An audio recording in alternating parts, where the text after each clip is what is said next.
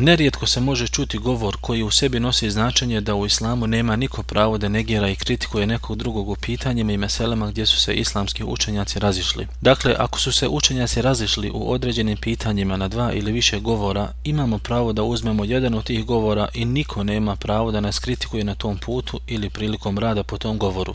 Prilikom toga se spominje poznato fiksko pravilo koje glasi nema negiranja u meselama ili pitanjima razlaza. Kako bismo dali kritički osvrt na ovaj govor, potrebno je na samom početku reći da ovo pravilo sa ovakvim riječima nije ispravno, nego ono što je ispravni tekst pravila jesu riječi nema negiranja u meselama iđtihada, Dakle, u pitanjima gdje je potrebno uložiti određeni intelektualni trud i napor kako bi se došlo do određenog propisa. Za detaljnije pojašnjenje potrebno je naglasiti da se pitanje u kojima se učenjaci razilaze mogu svrstati u dvije grupe, Grupa pitanja i mesela u vezi čijeg propisa postoji eksplicitan i jasan dokaz iz Kur'ana i vjerodostojnog sunneta, uz nepostojanje drugog dokaza njegova stepena koji mu se suprostavlja. Ili pitanja po kojima je zabilježe koncenzus ili iđma učenjaka, pa je nakon toga neko od savremenih učenjaka došao sa govorom koji se suprostavlja već nastalom koncenzusu. Ili pitanje čiji je dokaz jasna i očita analogija ili kijas. U ovakvim pitanjima je propisano negirati svakom ko se suprostavio dokaz dokazu pa makar se ubrajao u plejadu učenjaka i mučtehida ummeta.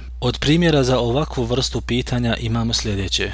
Negiranje svojstava Allaha uzvišenog kojima je Allah sam sebe pohvalio i kojima ga je opisao Allahov poslanik sallallahu alaihi wasallam i to pod plaštom tevila i pogrešne interpretacije koja je u biti izokretanje i izvrtanje tekstova Kur'ana i sunneta. Negiranje određenih događaja u kojima nas je obavijestio Allahov poslanik sallallahu alaihi wasallam da će se desiti na sudnjem danu poput mizana ili vage ljudi njihovih dijela kao i sirata ili kako se kod nas može čuti sirat čuprije. Ono što su rekli neki savremeni učenjaci od dozvole uzimanja koristi na depozitni imetak u bankama, što je u biti srž kamate koju je oharamio Allah uzvišeni i njegov poslanik sallallahu alaihi wasallam. Dozvoljavanje braka tahlila, dakle braka sa ženom koja je razvedena tri puta od priješnjeg muža kako bi je time ohalalio njemu nazad, iako je Allah poslanik sallallahu alaihi wasallam prokleo onog ko to radi i onog kome se radi. Dozvoljavanje slušanja muzike i širom otvaranje vrata muzičkoj produkciji produkciji, iako postoje dokazi koji ukazuju na ništavnost ovog govora iz Kur'ana i sunneta i govora priješnjih dobrih prethodnika, ishodno tome su se složila četvorica imama, to jest da je muzika haram.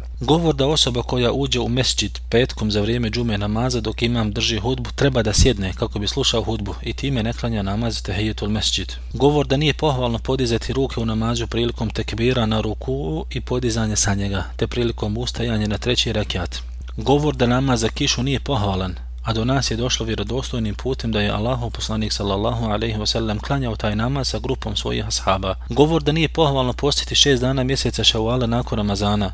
Govor koji zabranjuje poligamiju ili više ženstvo osim u prijekim potrebama ili kada darura to zahtjeva. Govor da krvarina žene biva jednakom krvarini čovjeka. Govor koji dozvoljava kamatu ako se radi o poslovanju sa kafirima ili nevjernicima. Dozvoljavanje braka muta, kao što su to uradile šije i oni koji slijede u tome. Davanje prava prava razvoda braka supruzi, dozvoljavanje svih vrsta osiguranja bez izuzetka, dozvoljavanje ženi koja prihvati islam da ostane u braku sa svojim mužem dok je još uvijek on na kufru, dakle još uvijek je nevjernik, dozvoljavanje rukovanja sa ženom strankinjom pod izgovorom da mu je srce čisto, dozvoljavanje razgoličavanja i miješanje muškaraca i žena i tako dalje i tako dalje. Ova pitanja i druga slična njima za koja imamo jasne dokaze, Ako se neko pojavi i suprostavi se u njima, imamo pravo da negiramo, kao što su ashabi i oni poslije njih od imama imali adet, i to je poznata stvar od njih, da su negirali svakom ko se suprostavi vjerodostojnom dokazu, pa makar bio muštehit. Druga grupa pitanja i mesela za koja nemamo eksplicitne dokaze iz Kur'ana, sunneta, koncenzusa i jasne analogije,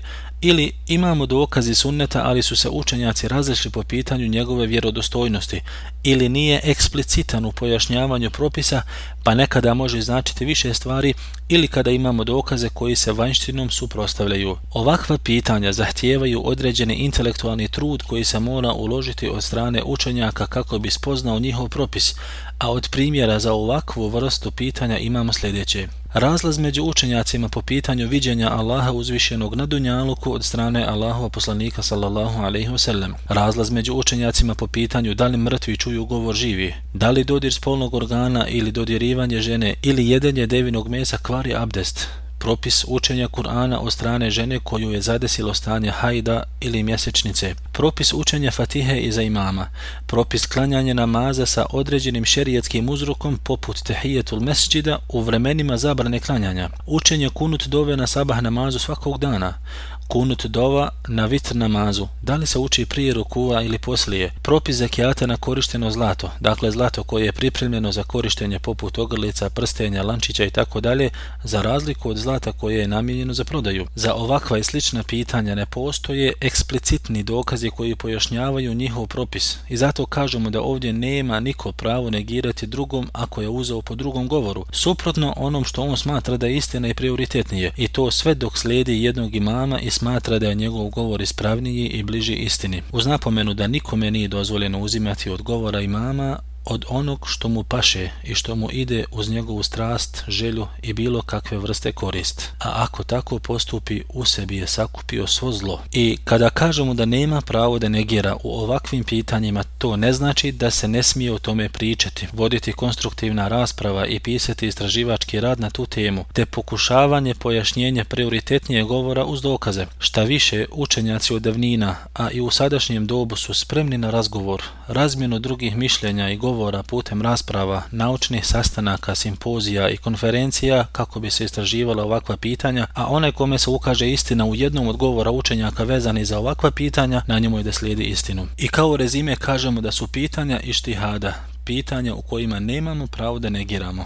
I nema niko pravo da prisili nekog drugog na slijedjenje njegova mezheba, ali zato na nama je da pričamo shodno naučnim dokazima. Pa kome se ukaže istina u jednom od govora, slijedit će ga, Ako bude slijedio učenjake koji su rekli po drugom govoru, neće mu se negirati i ovo vrijedi za pitanja koja su čisti i čtihad učenjaka, a ne za pitanja gdje imamo dokaze iz Kur'ana, sunneta, koncenzusa učenjaka i analogije. I na kraju neko je lijepo kazao الدار جنة عدن إن عملت بما يرضي الإله وإن فرطت فالنار هما محلان ما للمرء غيرهما فانظر لنفسك ماذا أنت تختار Tvoje boravište će džennet biti ako radiš ono što zadovoljava tvoga gospodara, a ako ne, onda vatra.